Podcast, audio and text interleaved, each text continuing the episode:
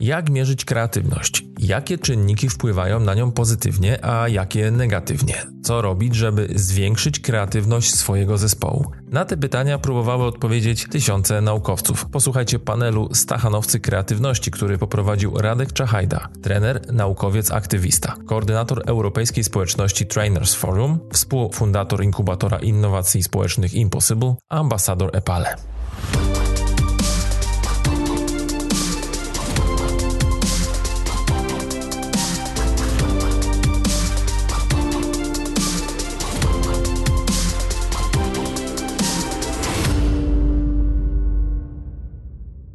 Nazywam się Radek Czachajda. E, dzisiaj troszeczkę Wam opowiem o e, badaniach dotyczących kreatywności, ale zanim zaczniemy, bym chciał zadać Wam jedno pytanie, e, na które liczę, że uzyskam odpowiedź. To nie jest pytanie retoryczne. Dlaczego kreatywność w szkoleniach nie pełni w ogóle istotnej roli? Dlaczego w ogóle trenerzy nie potrzebują kreatywności? Może być różny wynik, który nas do końca projektowanie interesował. Okej, okay. będzie nieprzewidywalne. Dlaczego jeszcze? Zadałeś pytanie z tezą. Mhm. Okej, okay, dobra. E, myślałem, że uda mi się was złapać na ten żart. E, faktycznie chyba zgodzimy się z tym, że kreatywność jest potrzebna, e, a to dlaczego też tak zrobiłem później jeszcze troszeczkę więcej umówię. Będę dzisiaj mówił, tak jak wspomniałem, troszkę o badaniach, natomiast ostatnio zupełnie przypadkiem przyszedłem na mini warsztat, który miałem prowadzić e, i okazało się, że na tym mini warsztacie jest 80 osób, e, co, co mnie zaskoczyło, bo teorię, jakby to, to, czym jest dla mnie warsztat, było, mieściło się w granicach 15-20 e, i mimo to zrobiłem to w formie warsztatowej, także starałem się wyciągnąć trochę rzeczy od publiczności i tutaj też nie przychodzę w roli eksperta, także nie jestem tym najmądrzejszym w pokoju, myślę, że wręcz e, odwrotnie, jeżeli byśmy rozkład normalny zrobili. E, a chciałbym, żebyśmy my tutaj, korzystając z tej okazji, że zebraliśmy tyle mądrych głów naraz w jednym miejscu, podzielili się naszymi praktykami. I to będzie taką, moim zdaniem, najbardziej wartościową częścią szkolenia, ale żeby nie było, że nie odrobiłem zadania domowego, to podzielę się tym, co udało mi się znaleźć. Jeszcze tylko jedna rzecz, zanim, zanim przejdę do meritum. Na zdjęciu tutaj widzimy Jacka. E, Jack jest amerykańskim trenerem, e, który e, jest, był sprzedawcą, był kapitalnym sprzedawcą i stwierdził, że spróbuje stworzyć taki model, który pokaże, jaki jest idealny sprzedawca. Stworzy do tego test, później będzie ludzi testował, będzie szkolił ich z tego modelu e, i, w, i, w taki sposób e, zaczął działać. Tutaj widzimy go na jednej e, konferencji, właśnie na której do Polski przyjechał, przedstawił swój model. Wszyscy byli zachwyceni. Ludzie oczywiście pokategoryzowani na różne typy sprzedawców, idealnie znaleźli dla siebie to, co ich opisuje, bo na przykład właśnie taki Grześ, który mi opowiadał o tym szkoleniu Jacka mówi, że słuchaj, Jack mówi, że ty to raczej e, lubisz się spotykać z ludźmi, ale czasem też wolisz e, spędzić czas w samotności. E, I Jack miał cały szeroki program szkolenia, który odpowiadał na potrzeby praktycznie e, wszystkich. I ze względu na swoją charyzmę, na te umiejętności sprzedaży, cały świat dowiedział się o tym jego modelu. I mamy też Jacka. Jacek jest polskim młodym naukowcem, e, który chciał chociaż troszeczkę się dowiedzieć o tym, co, e, co takiego dzieje się w sprzedaży, jakie, e, jakie są jej podstawy. Jacek przeprowadził badania na wąskiej grupie e, w call center, żeby określić, jak e, osobowość e, zweryfikowana na podstawie konkretnego modelu wpływa na sprzedaż. I w taki sposób, tak w tym całym ogromie wiedzy o świecie sprzedaży, zrobił taki maluteńki swój, swój ślad, który gdzieś w globalnym biznesie nie był specjalnie zauważony. Ale Jacek w porównaniu do Jacka też miał strasznie trudną drogę, żeby tam, żeby tam dojść, bo po pierwsze stworzył model, który skrytykował jego promotor. Poprawił ten model, poprawił badania, w końcu zrobił badania, wysłał do publikacji, skrytykowali je recenzenci, publikacja nie została za, zaakceptowana. Poprawił publikację, wysłał ją, została zaakceptowana, trafiła do czasopisma i potem kilku kolejnych e, naukowców skrytykowało jego pracę, napisali co w, niej, co w niej jest nie tak. I w taki sposób na samym końcu tego długiego łańcucha porażek, przez które Jacek mu, musiał przejść, dowiedzieliśmy się czegoś rzetelnego o świecie e, sprzedaży. Czego nie możemy powiedzieć niestety o Jacku, ale jednocześnie o świecie sprzedaży, owszem, dowiedzieliśmy się my, naukowcy, czegoś nowego, bo świat biznesu dalej słucha tylko tego, co mówi Jack, bo tylko o nim e, wie. E, I właśnie robię te wszystkie badania, je, znaczy robię te wszystkie prezentacje, jestem gdzieś pomiędzy Jackiem i Jackiem, bo ani nie udało mi się nigdy zrobić kapitalnego biznesu, ani też nie udało mi się skończyć żadnego z doktoratów, które zacząłem. Ale e, nauczyłem się w tym czasie trochę rozumieć lepiej oba światy i przede wszystkim rozumieć język, e, język nauki, rozumieć gdzie i w jaki sposób weryfikować wartościowe badania i właśnie tym się, e, tym się zajmuję. Tak według Kotlera jestem okrakiem gdzieś pomiędzy tymi dwoma, e, dwoma modelami. E, odkryłem e, na prezentacji Sławka, że mogę inaczej się nazwać e, kuratorem treści, tak? czyli tą osobą, która znajduje coś wartościowego i przekazuje ją innym. Nie jestem tutaj znowu ekspertem kreatywności, szkoleń z kreatywności przeprowadziłem może kilkanaście, dlatego chciałbym właśnie przedstawić Wam to, co odkryłem w badaniach dotyczących kreatywności, a praktykę omówimy sobie wspólnie, co z tego wynika. Ale zanim, mały żarcik, ktoś wspomniał o żarciku prowadzącego, to niech się to stanie, nigdy tego nie robiłem, zobaczymy. Co to jest czerwone i szkodzi na zęby? Cegła. Poproszę Was. Popro... Poproszę Was o przygotowanie czegoś do pisania. Może to być telefon, jakiś notatnik, messenger, albo e, albo na przykład wasz notes, coś na czym będziecie mogli sobie szybko e, zrobić listę i zrobimy małe, małe ćwiczenie. Mamy? Jak ktoś nie ma, to mówisz nie mam? Nie słyszę. Dobra. Test kreatywności, który powstał w latach 60. W oryginalnej wersji trwa troszkę dłużej, ale przecież jesteśmy osobami kreatywnymi pewnie, także go skrócimy. Przez dwie minuty znaleźć jak najwięcej alternatywnych zastosowań dla jakiegoś obiektu, na przykład dla cegły, która bardzo często była wykorzystywana w badaniach. Także spróbujcie dwie minuty jak najwięcej różnych zastosowań cegły.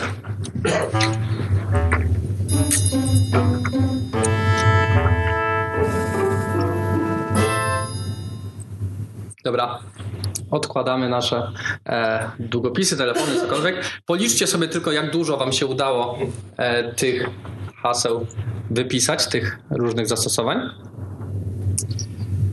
I czas na zawody. Zobaczmy, kto jest najbardziej kreatywny w sali. Nie po to, żeby, e, żeby się tutaj, żeby gdzieś się rywalizować, ale może po to, żeby wiedzieć, co robi ktoś, kto jest od nas trochę bardziej kreatywny. Wstańmy na chwilę.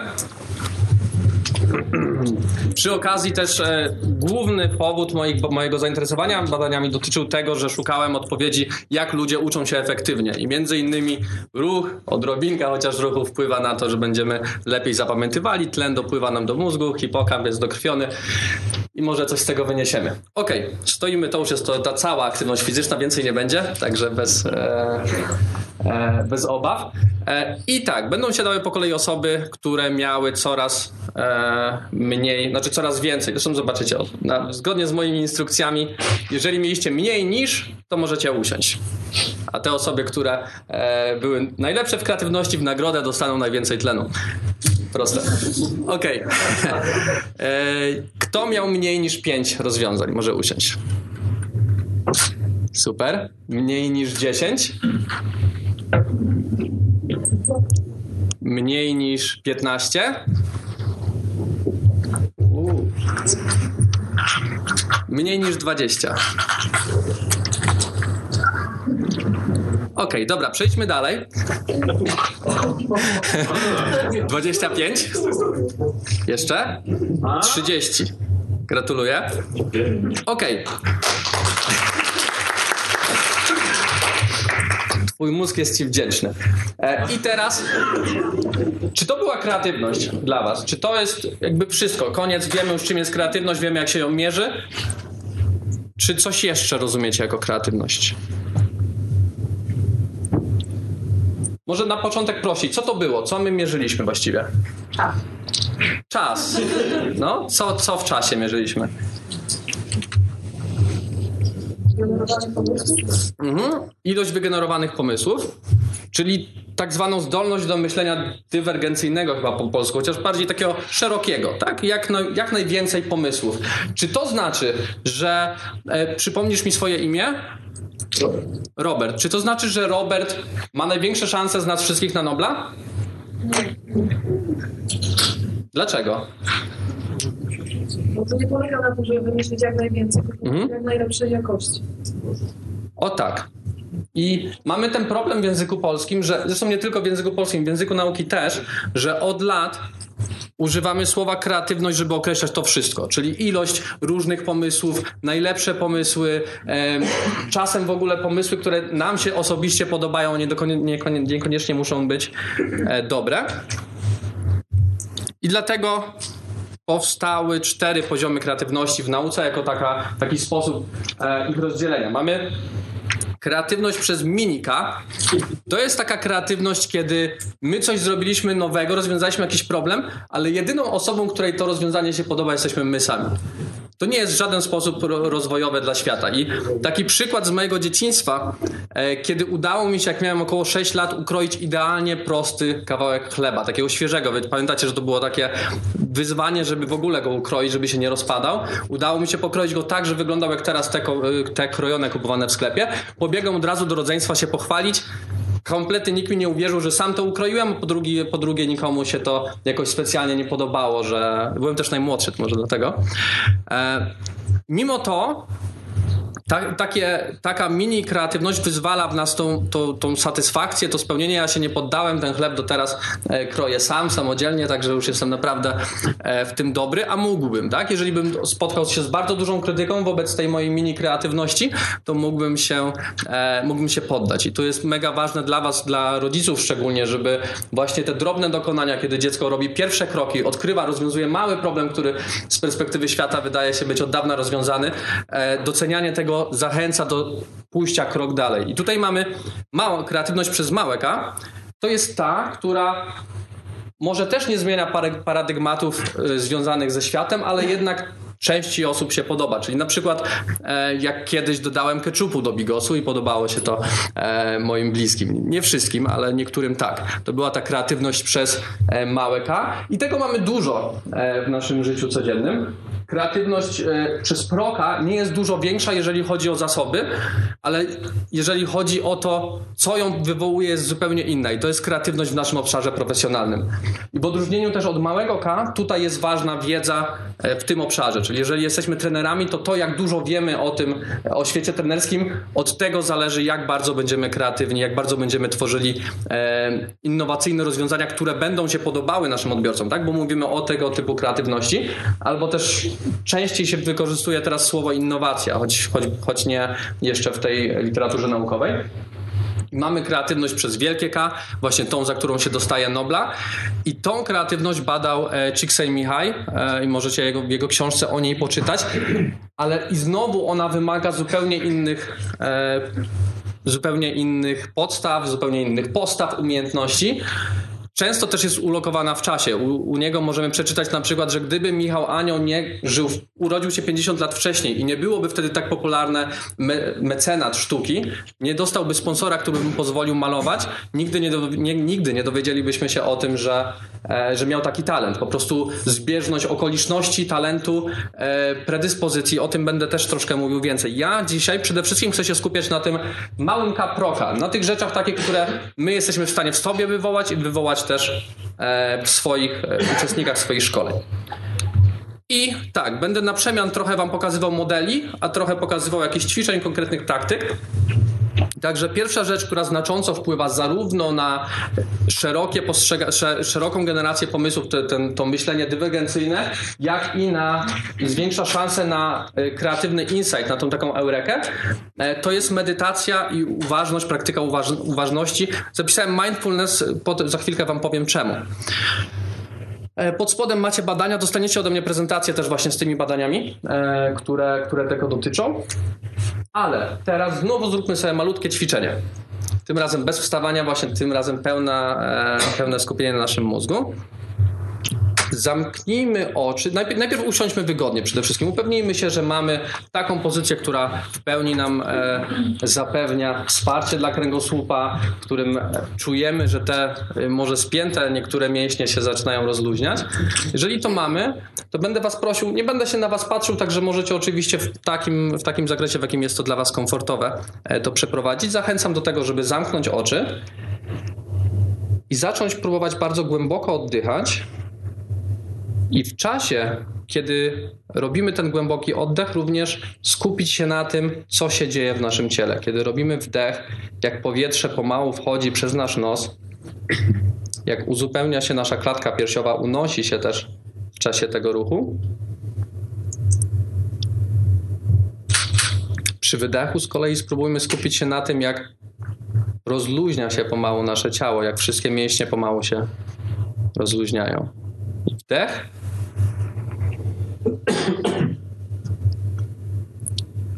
I wydech. Ok. Jak myślicie, dlaczego to ćwiczenie wpływa bardzo negatywnie na kreatywność? Tym razem to nie jest e, podchwytliwe pytanie, faktycznie tak jest. Dlaczego to ćwiczenie, akurat ta medytacja, króciutka nawet, e, jakkolwiek długa by nie była, dlaczego ona szkodzi kreatywności? Bo się skupiamy na sobie, na osadzeniu we własnym Mhm. ciele, a nie produkujemy pomysły, tylko one mają przepływać. Dokładnie. Może też usypiać. Najważniejsze jest to, tak? Czyli tam mów- mówimy, dlatego użyłem mindfulness, a nie uważność, bo znowu mamy medytację uważności, tą taką, na któr- w której my się skupiamy na czymś, tak? To wszystko nie wpływa pozytywnie na, e, na generację pomysłów, ale uwalnianie mózgu, czy na przykład uważność taka mindful eating, y, uważne jedzenie, chyba to możemy tak przetłumaczyć, czyli zastanawianie się nad tym, jak ten pokarm tu do, do, do mnie dotarł, że że jestem za to wdzięczny, co się z nim działo przez ten cały czas, e, w jaki sposób powstał, co, e, co da mojemu organizmowi, dlaczego jakby jedzenie jest takie ważne, czemu nie jesteśmy za to wdzięczni na co dzień. Myślenie takie dość szerokie o tym, co, co w tym momencie robimy, to to wpływa, tak? Otwieranie takiego umysłu, ale wszystko to, co ma nas gdzieś skupiać, e, już może niekoniecznie. Okej. E, I czas teraz na kolejny króciutki e, model. E, Powstał w latach dwudziestych, na początku jako etapy projektu twórczego, natomiast później e, został przekształcony w fazy. E, No i mamy cztery fazy: przygotowanie, e, inkubacja, oświecenie, weryfikacja. E, Nie, nie jest już etapami ze względu na to, że one mogą pojawiać się w różnych, mm, w różnych momentach, czyli jak to często lubimy mówić, to zależy. Pokazuję wam to, bo nie znalazłem dowodu na to, że to nie występuje albo że nie działa.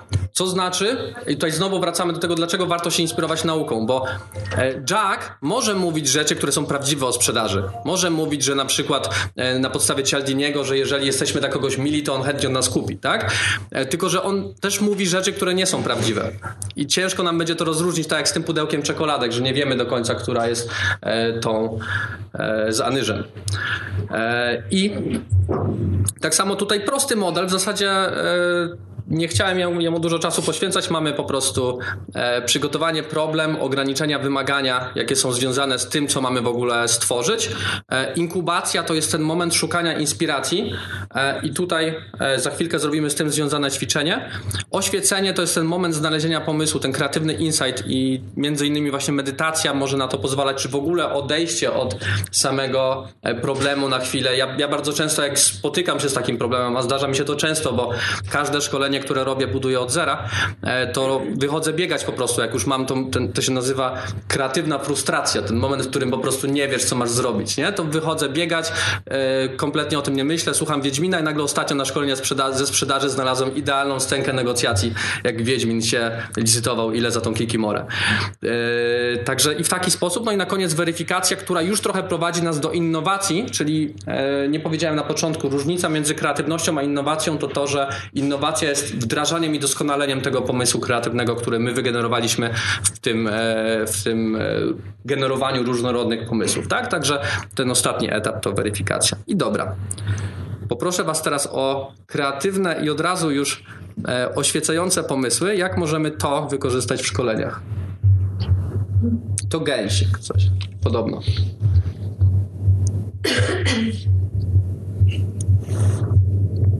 Co moglibyśmy z tym zrobić na szkoleniu?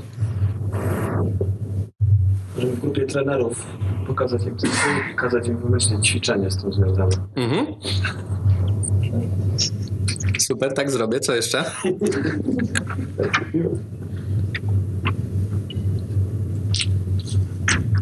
Co nam to może obrazować?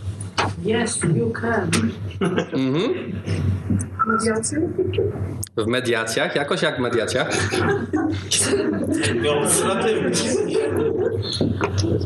Jak ci się trudny przesnik objawia, to możesz mi to puścić. Okej. Gdzie jesteś trenerem? O granicę psychologiczną. Mhm. Wow, całkiem sporo, tak? E, Mi przyszło do głowy akurat e, zobrazowanie sytuacji, w której kiedy mamy ogromną pewność siebie, to nawet osoby, które są gigantami w naszym stosunku, czują pewien, pe- pewien taką, nie, może nie niepokój, ale taką niepewność związaną z tym, żeby nas e, ruszyć, tak? E, oczywiście e, zastanawiałem się, jak do tego podejść, bo ja też wykorzystuję często historie zwierząt w moich szkoleniach, na przykład z pracy w zespole. Gęsi są kapitalne w tym, e, w tym temacie, bo e, no, są wzorem wielu różnych postaw związanych z pracą w zespole. Między innymi to, że kiedy jest słabsza gęś w, w kluczu i nie ma, nie ma siły lecieć tak szybko jak reszta, część klucza odłącza się i tworzy nowy klucz z tą słabszą, aby ta się zregenerowała, albo ewentualnie aż do, do czasu, kiedy nie dokona swojego żywota i dopiero wtedy e, szukają swoi, swojego starego zespołu gęsi. Czy to, że e, to, że tak lecą, mówią ła, ła, to jest synchronizacja pracy skrzydeł. Dlatego to wszystko brzmi tak równo, bo po prostu w ten sposób się komunikują, żeby w odpowiednim tempie lecieć równo w tym takim kluczu, który lubimy obserwować i tak dalej. Także mnóstwo e, różnych inspiracji w różnych kręgach, które my możemy wykorzystywać czy w naszych szkoleniach, czy czy nasi klienci w jakichkolwiek problemach, które mają związane e, z tym, co, znaczy jakiekolwiek problemy, które są, które są związane z tym, co e, robią.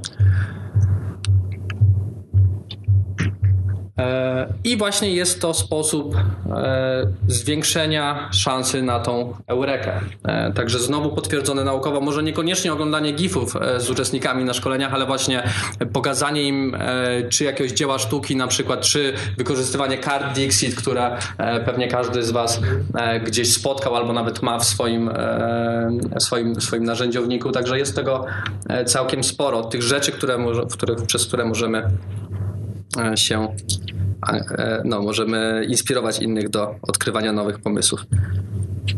Ok, czas na kolejne ćwiczenie. Opowiem Wam taką tragiczną historię, która zdarzyła się w pewnym mieszkaniu na Mokotowie. Jak może znacie to czasopismo, to właśnie tam na końcu są takie historie i zupełnie przypadkiem parę dni temu sobie o tym przypomniałem i stwierdziłem, że znowu muszę tego użyć. E, więc tak, może bez uśmiechu, bo to jest smutna historia. W pewnym mieszkaniu na Mokotowie em, porucznik Kowalski odkrył e, ciała Grażyny i Antoniego na podłodze. Wokół pełno było szkła i wody.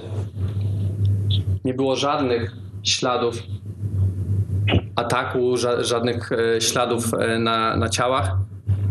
A jedynym świadkiem zdarzenia był przybywający również w mieszkaniu pies Kajtek. Mimo to porucznik, powiedziałem, on był bardziej podkomisarzem. Kowalski od razu wydał werdykt i znalazł winnego tej zbrodni. Co się stało?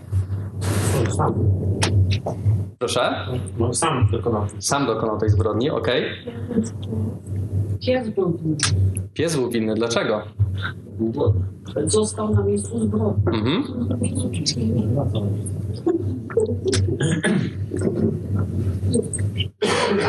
Ktoś ma jeszcze jakieś propozycje? To są wszystkie elementy, które są potrzebne, czy jeszcze jest jakiś brąz na przykład? Ciekawe. Że Grażyna i Janusz to nie są ludzie. Tak. Dokładnie tak. To są e, rybki, które po prostu Kajtek strącił e, z akwarium.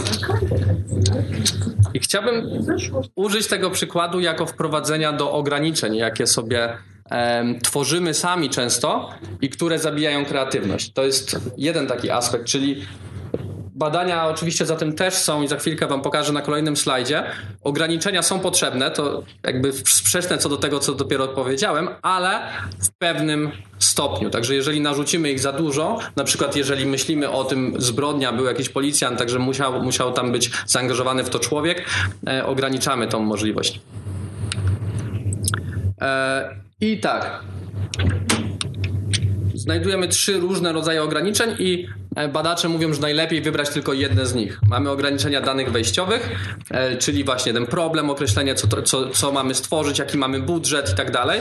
E, Mamy ograniczenie samego procesu kreatywnego, ile będziemy mieli na niego czasu, co możemy e, zrobić, e, z jakich narzędzi korzystać, jakie mamy na przykład heurystyki do tego, żeby e, rozbudzić tą kreatywność e, i ograniczenia rezultatu, czyli jak dużo już wiemy o tym, co mamy rozwiązać. Tak? No i tutaj przykładowo w zwinnych projektach mamy bardzo mało, małą świadomość tego, co my w zasadzie tworzymy, a z kolei w waterfallowych dość dużą. I właśnie idealne rozwiązanie to wybrać sobie, w którym obszarze my tak naprawdę chcemy, mm, chcemy stworzyć ograniczenia i to nam będzie gwarantowało, że, e, że nam to pomoże. Bo e, bardzo ciekawe badania, ich tutaj nie ma. E, były prowadzone wśród studentów uczelni artystycznych, którzy to często rezygnowali ze studiów w sytuacji, w której zostali postawieni przed problemem namaluj coś. E, Albo stwórz rzeźbę, albo stwórz w ogóle jakiś produkt artystyczny i oni czuli presję bycia kreatywnymi, jednocześnie niezdolność do bycia kreatywnymi i przez to rezygnowali ze studiów, czując, że nie mają tej kompetencji, a po prostu problem polegał na tym, że było to zbyt mało precyzyjne dla większości ludzi, bo niektórzy się oczywiście w tym odnajdą, trochę to zależy od osobowości, ale dla wielu, e, dla wie- wielu jest to zbyt duże ograniczenie. I ostatni. Tak? Tak, tak, jeszcze mogą być. Mhm.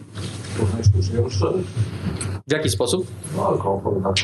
O, fajnie, że o tym wspomniałeś. Są o tym badania. W moim poście napiszę o tym więcej, e, żeby może trochę wzbudzić bardziej gromką dyskusję w, e, w gronie trenerskim. E, Ostatni, ostatni model, który przedstawiam, kompas kreatora. Czyli y, te umiejętności, które można w sobie i postawy, które możemy w sobie wzbudzać, czy możemy wzbudzać w naszych osobach, które, które chcą być kreatywne, które sprzyjają temu, żeby kreatywnym być. E, up- upor, uporczywość w obliczu przeszkód, chęć podejmowania ryzyka, tolerancja dla niejasności, to czy jesteśmy gotowi na to, żeby e, robić coś, co nie jest do końca dla nas zrozumiałe, e, niska potrzeba akceptacji społecznej, którą się wykazują innowatorzy, bo nie zależy im na tym, że jak zrobią coś i to nie wyjdzie, to po prostu innym się to nie spodoba, bo kreatywność jest z tym trochę mocno połączona. E, Elastyczność, samodyscyplina i tutaj napisałem w nawiacie motywacja mistrzostwem, bo to są badania takie jeszcze obok. E, wiemy, że motywacja jest potrzebna, wiemy, że motywacja wewnętrzna, ale jeszcze dodatkowo dużo silniejsza jest motywacja w dążeniu do mistrzostwa, czyli dążenia do bycia lepszym od siebie wczoraj, niż motywacja e, wydajności, performance, czyli żebyśmy osiągnęli jakiś pułap, który ktoś nam narzucił, czyli wygeneruj 100 pomysłów. No, oczywiście, jeżeli e, w jakiś sposób to pomaga, ale jeżeli stworzymy dla naszych zespołów taki cel, który będzie, albo pomożemy im stworzyć taki cel, który dla nich będzie celem, będę dzięki temu lepszy od siebie niż wczoraj, da to dużo, dużo, dużo lepsze rezultaty niż e, będę lepszy niż Janek, albo będę najlepszy w grupie, albo będę pierwszy w rankingu. Nie? I możliwość opóźnienia gratyfikacji jako ostatnia taka cecha, e, która, któ- która jakby została wylistowana jako te rzeczy, które są wartościowe, przydatne dla osób, które chcą e, generować różnorodne pomysły, wdrażać je już jako innowacje. I teraz właśnie e, coś, co wydaje mi się najważniejsze z tego wszystkiego, badania dotyczące efektywności treningu kreatywności pokazały, że Najważniejsze to to, żeby dawać ludziom jak najwięcej różnych heurystyk na e, rozwiązywanie problemów kreatywnych albo na generowanie rozwiązań, że to jest jednym głównym wyznacznikiem tego, czy trening kreatywności będzie skuteczny, czy po nim e, ludzie będą bardziej kreatywni. Oczywiście jeszcze to jest kwestia używania różnych substancji psychoaktywnych, ale najważniejsze jest to, e, jakie narzędzia przedstawiliśmy na naszym szkoleniu, na naszym warsztacie kreatywnym. Dzięki temu, że ludzie znają te narzędzia, mogą dużo łatwiej rozwiązywać kreatywne problemy i em,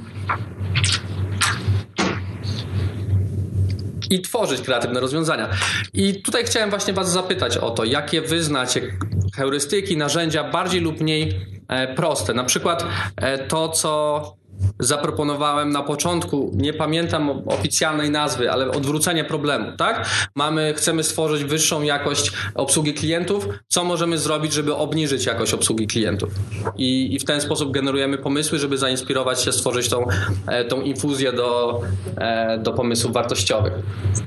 Co wam takiego przychodzi do głowy? Z czego wy korzystacie? Co to traktor?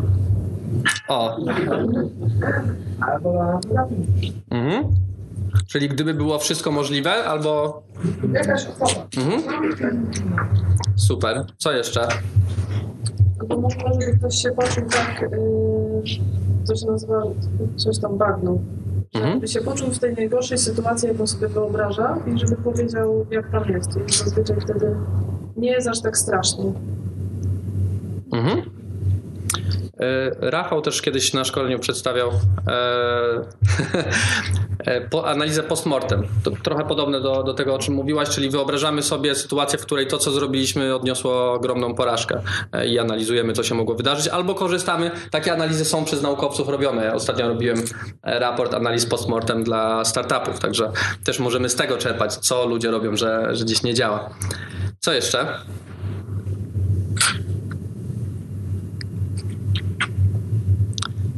Chyba te ziemniaczki właśnie wylądowały.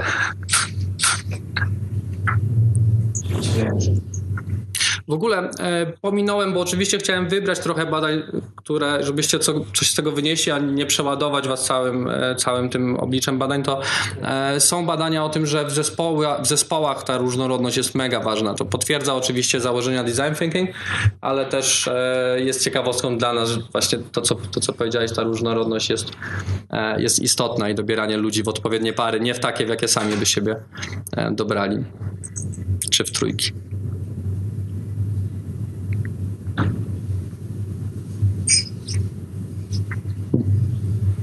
Dobrze. Oczywiście znowu najważniejsze, z czym e, zawsze chcę zostawiać ludzi po moich warsztatach czy po moich prelekcjach, to to, że e, w nauce, w odróżnieniu od tego, co się mówi, co się zakłada, jest bardzo dużo rzeczy praktycznych. Każdy naukowiec chce tworzyć rzeczy w oparciu o, e, o to, co ludziom się przyda, w oparciu o to, co dla ludzi jest ważne. Dlatego od groma znajdziecie tego, o czym się pisze w, pismach branżowych. Jakieś pokolenie Z, X, Y, tak dalej. To wszystko jest badane, bo naukowcy no nie chcą robić rzeczy, które nikomu nie są przydatne. Czasem nawet, e, nie wiem, my tam w naszym zespole walczymy trochę e, z grantodawcami o to, żeby to było jeszcze bardziej praktyczne niż tylko oni e, tego niż tylko oni to zakładają. Bo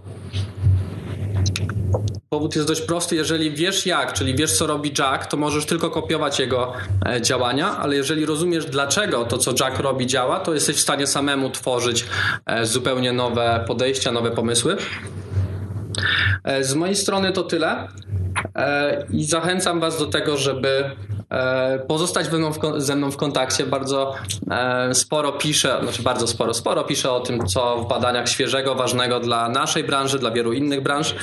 E, I będę wdzięczny również za informację zwrotną z Waszej strony. E, Bo tak jak mówiłem, e, nie jestem w żadnym wypadku wzorem trenera ani wzorem mówcy, e, ale bardzo chętnie chciałbym do tego e, modelu dążyć, a to jest możliwe tylko wtedy, kiedy ktoś mi powie, co warto było, żebym poprawiał. E, Tutaj oczywiście dane kontaktowe, mail, strona, LinkedIn, Facebook, e, Messenger, e, to wszystko jakby z moim nazwiskiem wyjątkowy prezent, jaki dostałem od rodziców, to to, że nikt się tak w Polsce nie nazywa, ani że nikt w historii niczego w Polsce nie osiągnął, także łatwo mnie e, znaleźć dzięki temu. Bardzo dziękuję i udanego powrotu do domu i przede wszystkim udanej ostatniej dzisiaj prezentacji. Mam nadzieję, że też wyniesiecie z niej dużo. Chyba, że jeszcze są jakieś pytania ewentualnie, bo skończyłem troszkę szybciej. Widzę tutaj znaki, że nie. Super, to oddaję głos. A to może. Dziękuję, że wysłuchałeś tego podcastu. Piotr Maczuga, ambasador Epale.